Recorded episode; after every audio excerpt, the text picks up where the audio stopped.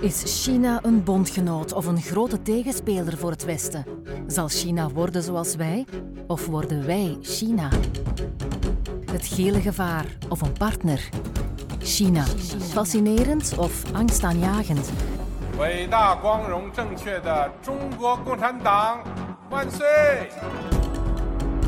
Wordt China de nieuwe wereldmacht? Veel vragen, nog meer antwoorden in de podcast het Rijk van het Midden met communicatie-expert Dimitri Stuur.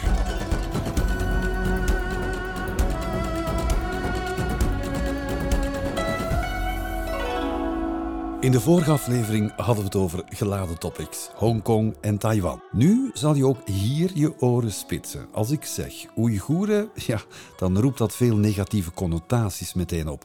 Schendingen van mensenrechten door de Chinese overheid van deze bevolkingsgroep.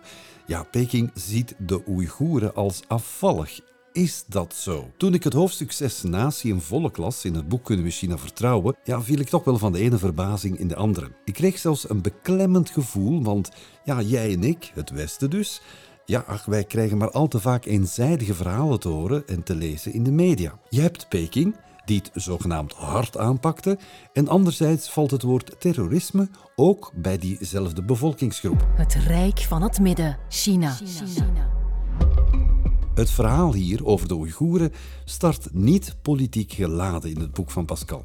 Het begint als een stevig reisverslag. En daarvoor gaan we terug naar 1993, het jaar van de tweede reis van Pascal dwars door China als toerist. Dag Pascal. Dag Dimitri. Zeg, je tweede reis door China, waarin je de zijderoute ging volgen, dwars door de Taklamakan-woestijn, met temperaturen tot 40 graden.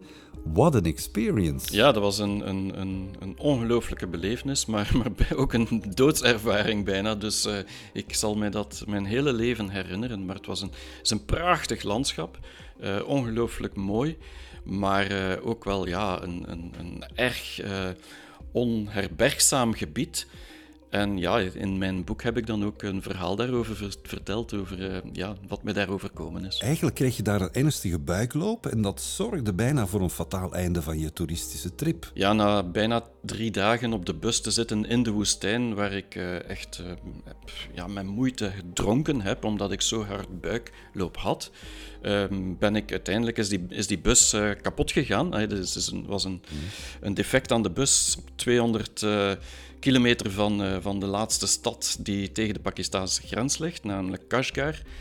En daar uh, ben ik uit de bus moeten stappen en, en, dacht ik echt dat het einde van het leven nabij kwam, omdat ik niet wist wat ik moest doen, maar daar ben ik uh, gered geweest, inderdaad. Ja, en daar ben je gered geweest door twee mannen met lange baarden. Twee Oeigoeren, ja, klopt, die langs de weg, die, die eigenlijk aan het rijden waren op weg naar Kashgar.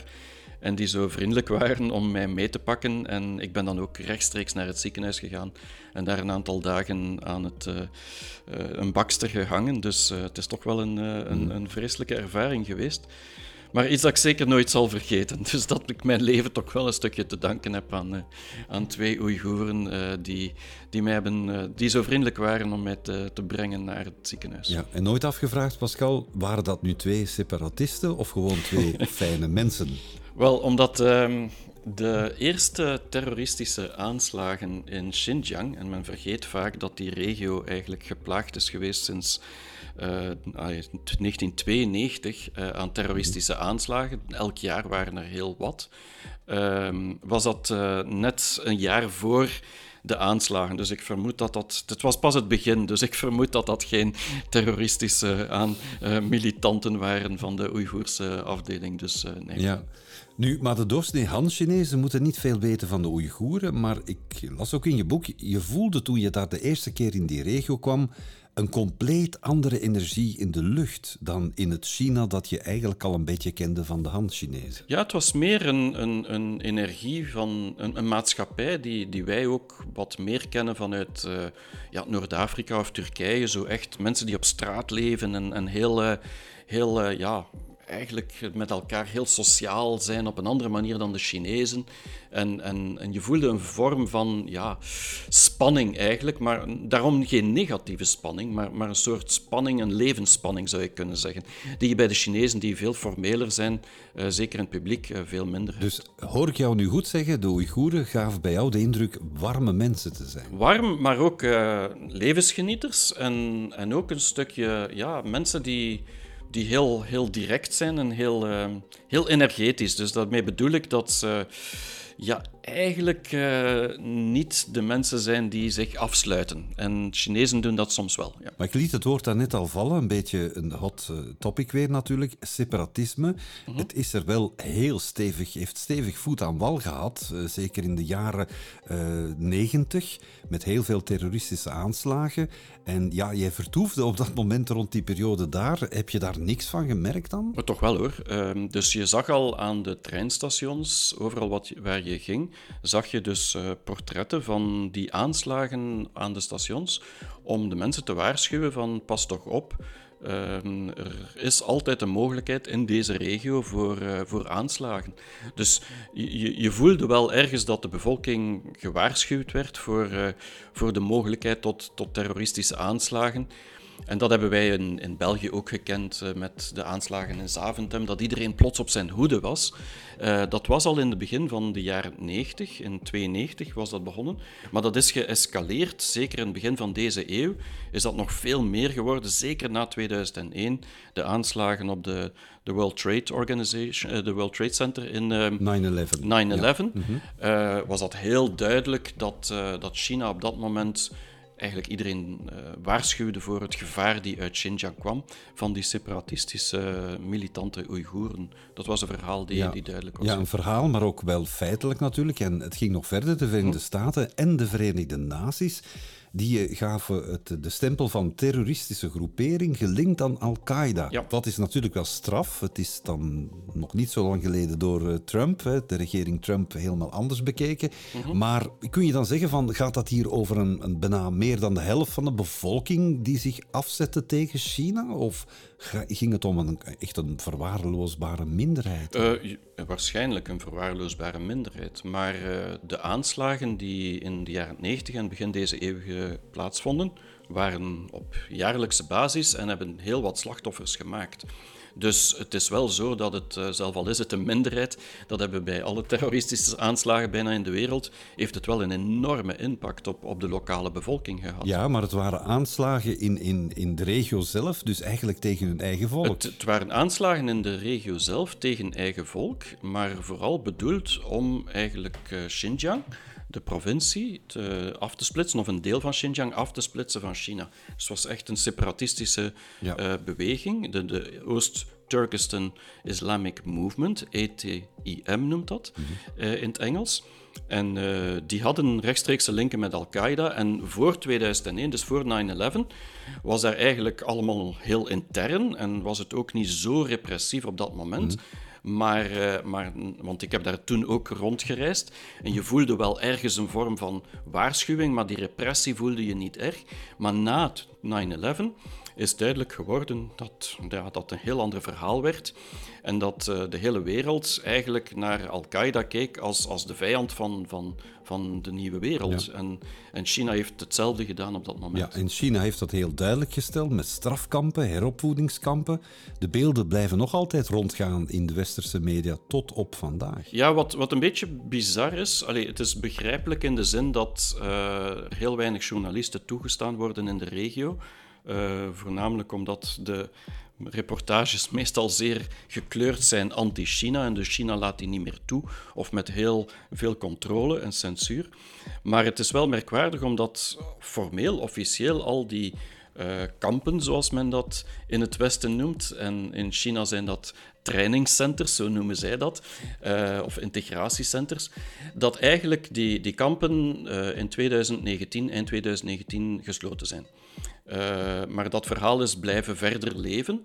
En dus ja, het is, het is, of het nu waar is of niet waar. De, volgens de Chinezen is dit uh, allemaal leugens dat die nog open zijn. Volgens het Westen zijn die nog altijd open. Maar ik lees ook uh, in je boek dat het niet gaat om eigenlijk heropvoedingskampen, maar investeringen vanuit Peking. Klinkt heel mooi. Proactieve integratie, sensibilisering en zo. Wat is er van aan volgens jou? Ik bedoel, eh, ging het om een mix van beide? Investeren in de regio voor een betere, sterker economisch klimaat?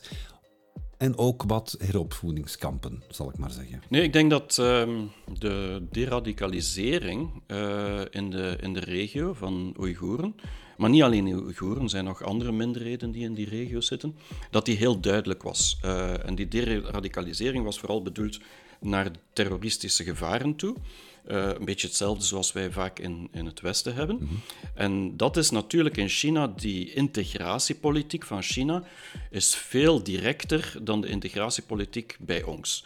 En eigenlijk uh, kan je stellen dat het verplichte integratie was voor vele mensen.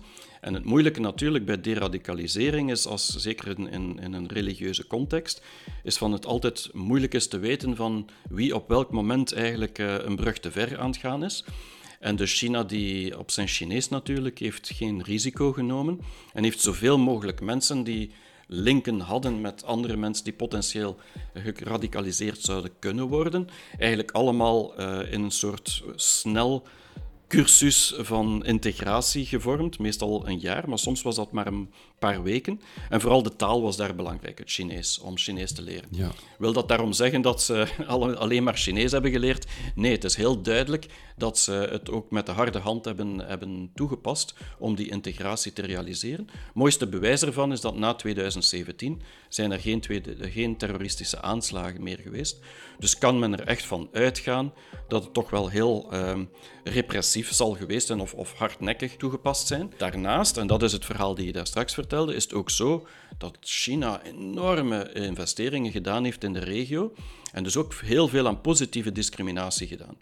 En dat verhaal kennen wij niet in het Westen. Hoe komt dat? Waarom denk je dat we het verhaal niet kennen? Want ik uh, lees dan, de regio heeft 70% geautomatiseerde katoenplukindustrie, meer werkgelegenheid dan ooit, een alfabetiseringsgraad van bijna 100% zal ik maar zeggen, eigenlijk compleet uit extreme armoede gehaald. Dat is toch totaal een ander verhaal dan wat de meesten hebben over de regio waar de Oeigoeren wonen. Ik bedoel, arm en gevaarlijk. Ja, en dat is absoluut niet uh, het enige verhaal die, die correct is. Dus dat andere verhaal klopt ook in de zin dat de Chinezen, uh, inderdaad, of Beijing, en zeker de Xinjiang-overheid, heel veel gedaan heeft om die regio, die heel achteropgesteld was 20, 30 jaar geleden, veel meer dan de rest van China. Het was eigenlijk een van de armste regio's in China. En, en ze hebben daar dus sinds 2013 zeker, want dan is de zijderoute het plan van de zijderoute in gang gestoken, was Xinjiang eigenlijk de toegangspoort tot het Westen. En als ik spreek over het Westen, heb ik het niet over, over het Westen geopolitiek, maar eerder het Westen van uh, bijvoorbeeld Pakistan en Kazachstan en dus dat Westen, maar ook het Westen van China moest eigenlijk uh, de nieuwe regio worden die de transport naar de rest van de wereld zou kunnen brengen. En ook die armoede daar was heel belangrijk om die positief te krijgen. Maar ook een ander punt is, is de ecologie. Hè. een, een, enorme woestijn, uh, maar ook met enorme grondstoffen. En dus ze wouden zeker zijn dat het ecologisch evenwicht uh, eigenlijk bleef en dat die regio niet kapot zou gaan. Dus er is heel veel positieve dingen gebeurd. Maar het meeste van die dingen die gebeurd zijn, zijn na 2013 echt uh, in gang gestoken. Ja, ja. Dus daarvoor was er eigenlijk ja, aandacht voor de Oeigoeren, aandacht voor, de, voor de, die minderheden in, in Xinjiang, meer vanuit een cultureel standpunt en minder vanuit een economisch standpunt. Dat verhaal, of, of laten we zeggen die strategie vanuit Peking, denk jij in te schatten wat nu aan de gang is met Afghanistan? Wel, ik denk dat we een bepaalde vergelijking kunnen maken uh, in, de, in de zin dat China vooral gelooft dat de enige manier om een land te verbeteren op, op sociaal, politiek en economisch vlak, is om daarin te investeren. En dat is niet het verhaal die we van Afghanistan de laatste twintig jaar gezien hebben met Amerika, waar vooral ja, oorlog gevoerd werd en sancties en andere verplichtingen aan, op de lokale overheid, Omwille van, uiteraard, bijvoorbeeld in Afghanistan de vrouwenrechten en zo verder. Dus allemaal heel begrijpelijk. Maar China die ziet de wereld omgekeerd, waarbij dat ze eigenlijk denken dat als de onder, als het land het beter economisch doet, dan gaan die dingen vanzelf wel verbeteren. Wij geloven daar minder in, want wij geloven niet dat de Taliban plots meer rechten aan de vrouwen gaan geven. Maar de Chinezen geloven daar dus wel in dat als iedereen een, een betere levensstandaard heeft en dus een hogere middenklasse is, dat eigenlijk alles vanzelf ook wel gaat verbeteren. En dat is de strategie die ze in Xinjiang uh, toegepast hebben. Natuurlijk, daarnaast hebben ze ook, zeker in het begin van deze eeuw, uh, het repressieve karakter ook toegepast. Mhm. Vooral naar het, naar, uh, het terroristische uh, gevaren toe. Dus, maar dat hebben wij ook gedaan in Afghanistan. Dus er is ergens wel een, een vergelijkpunt. Het enige resultaat is dat we zien dat in Afghanistan eigenlijk de situatie absoluut niet verbeterd is. Mhm.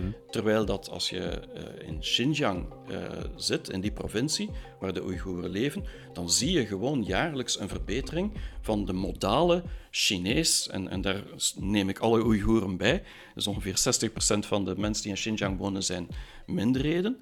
Uh, is er een algemene verbetering van hun levensstandaard geweest die toch wel bewonderenswaardig is. Dus ja, twee verhalen. Ja, jouw overtuiging dat als we ook eens een beetje meer zouden kijken naar het positievere verhaal over de evolutie van die hele regio, dat China, waar we ook een beetje mee zitten vanuit het Westen, misschien ook wat transparanter zou kunnen zijn als we het zelf een beetje positiever bekijken. Ja, daar ben ik van overtuigd. Het is natuurlijk een, een, een bold statement, want men heeft totaal geen vertrouwen in wat er gebeurt in Xinjiang en hoe Beijing eigenlijk met de Oeigoeren omspringt. Dat is natuurlijk de titel van mijn, mijn boek, Kunnen we China vertrouwen?